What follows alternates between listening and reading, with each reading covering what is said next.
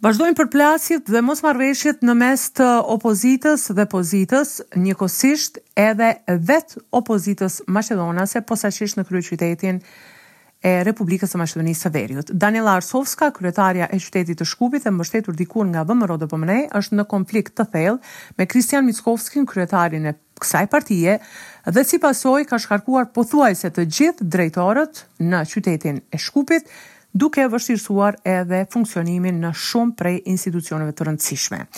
Ajo duket e pakthyeshme në rrugën e saj, duke thënë se do të luftojë çdo formë të presionit dhe të tentativave për korrupsion nga ana e VMRO-DPMNE-së.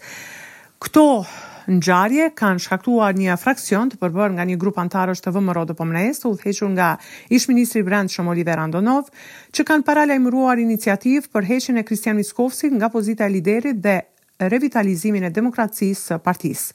Andonov ka thënë se Mickovski është i harxhuar politikisht dhe nën udhëheqjen e tij për pesë vite partia nuk merr pjesë në asnjë proces që ka mbrojtur ndonjë interes nacional. Për më tepër do të ndjekim deklaratën e tij. Kur them i harxhuar e mendoj politikisht, sepse nëse kthehemi pesë vjet mbrapa, më thoni një që Mickovski bëri me të cilën VMRO-DPMNE-ja mund të krenohet se mori pjesë në ndonjë proces, Ose mbrojti ndonjë interes kombëtar në Maqedoni. Kto ako Mickoski ne dade ostavka, pa ne očekujte. Çfarë nëse Mickoski nuk jep dorëheqje tani? Epo, nuk pres që ai të dalë të japë dorëheqje tani, ose botët që m'i dërgon të më thotë se do të japë dorëheqje pas dy javësh. Mickoski do të detyrohet të largohet nga partia nën presionin e anëtarësisë. Kjo luftë do të vazhdojë.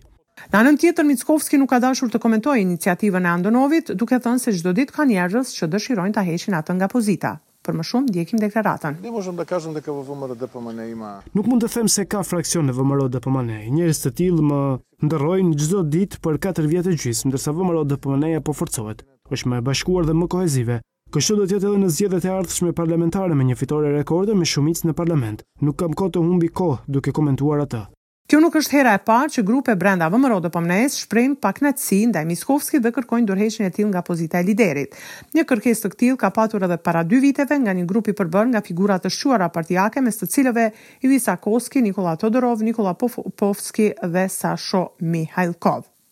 Gjithashtu, në partinë Aleanca për Shqiptarët, partinë opozitare, me dorëheqjen e Ziadin Selës, është mbajtur Kuvendi i partisë me ç'rast ushtrues detyre i kryetarit të kësaj partie është caktuar Arben Taravari, aktualisht kryetar i komunës së Gostivarit.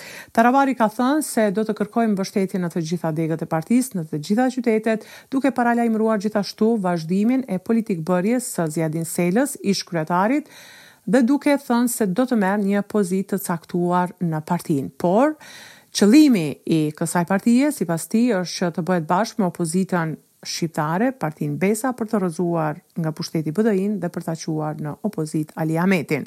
Të njëjtin qëndrim e ka shprehur në një linjë edhe kryetari i opozitës maqedonase Kristijan Mickovski, i cili thotë se do të luftojë vetëm që BDI-në ta dërgojë në opozitë.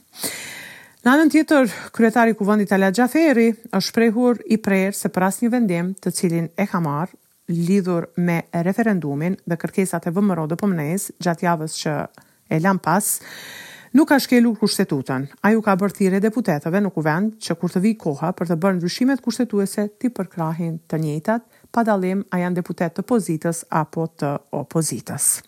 E në kuadër të seancës së shtatëdhjetë e shtatë të Asamblesë së Përgjithshme të Kombeve të Bashkuara, shefi i delegacionit të Maqedonisë së Veriut, Bujar Osmani, ka realizuar takim me zëvendës ndihmës sekretarin e shtetit për çështje europiane dhe euroaziatike, dhe Përfaqësues Special i SHBA-ve për Ballkanin Perëndimor Gabriel Escobar.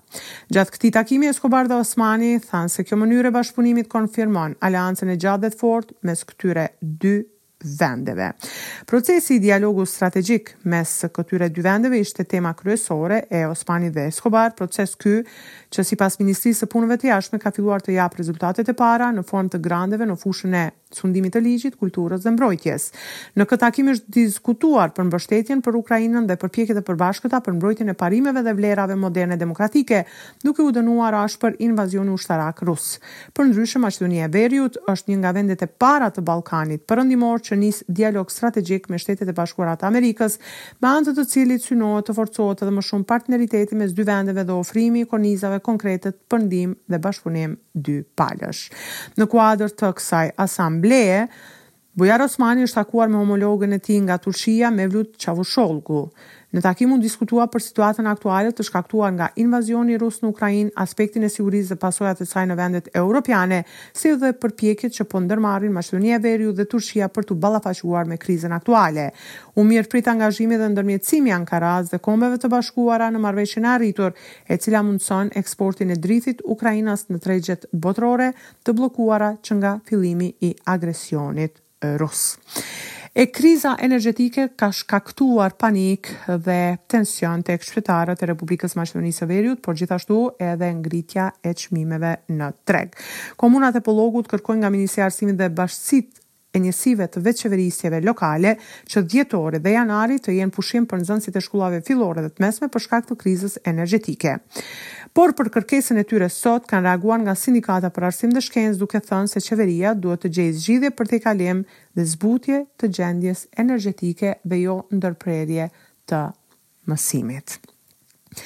Në rrafshin kulturor, përmendim ekspozitën e realizuar nga Sekretari Shtetëror në Ministrinë e Kulturës, njëkohësisht artist i artit figurativ dhe dizajner, Valmir Aziri.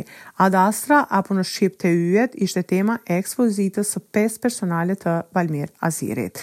Nën këtë temë ka sjellur tridhjetë e pesë piktura, të cilat e bënë të prekshme universin, yjet dhe magjinë e hapësirës. Ai është shprehur se pikturat janë në gjendje të ruajnë atë tension të brishtë estetik mes botës reale dhe imagjinare. Njëkohësisht ka treguar se dëshira e tij është që kjo ekspozitë të zhvillohet në Prishtinë dhe në Tiranë. Për më tepër ndjekim edhe prononcimin e tij. Duke marrë parasysh që është ekspozita ime e parë që po ekspozoj në Galerinë Kombëtare të Republikës së Maqedonisë së Veriut, pritshmëritë kanë qenë të të mëdha dhe për fal Zotit u plotësuan. Sot kam pasur mysafir të gjithë ata të cilët i ftova janë përgjigjur pozitivisht ftesës. Faleminderoj çdo njërin i cili ka nda kohë sot për të ardhë dhe për t'u bërë pjesë e ekspozitës sime. 35 pikturat e mija besoj që kanë lënë një shije të mirë tek vizitorët dhe shpresoj që kjo do m'jep shtytje edhe për të vazhduar edhe më tje me punë. Aktivitetet kulturore do të vazhdojnë edhe gjatë javës që vjen, me ç'rast Orkestra Kamertale dhe pianisti Shkëlzen Baftiari kanë paralajmëruar mbajtjen e koncertit me titull Frymë vjeshte në qytetin e Kërçovës dhe të Tetovës. Për Radion SBS raporton nga Republika e Maqedonisë së Veriut, Besiana Mehmedi.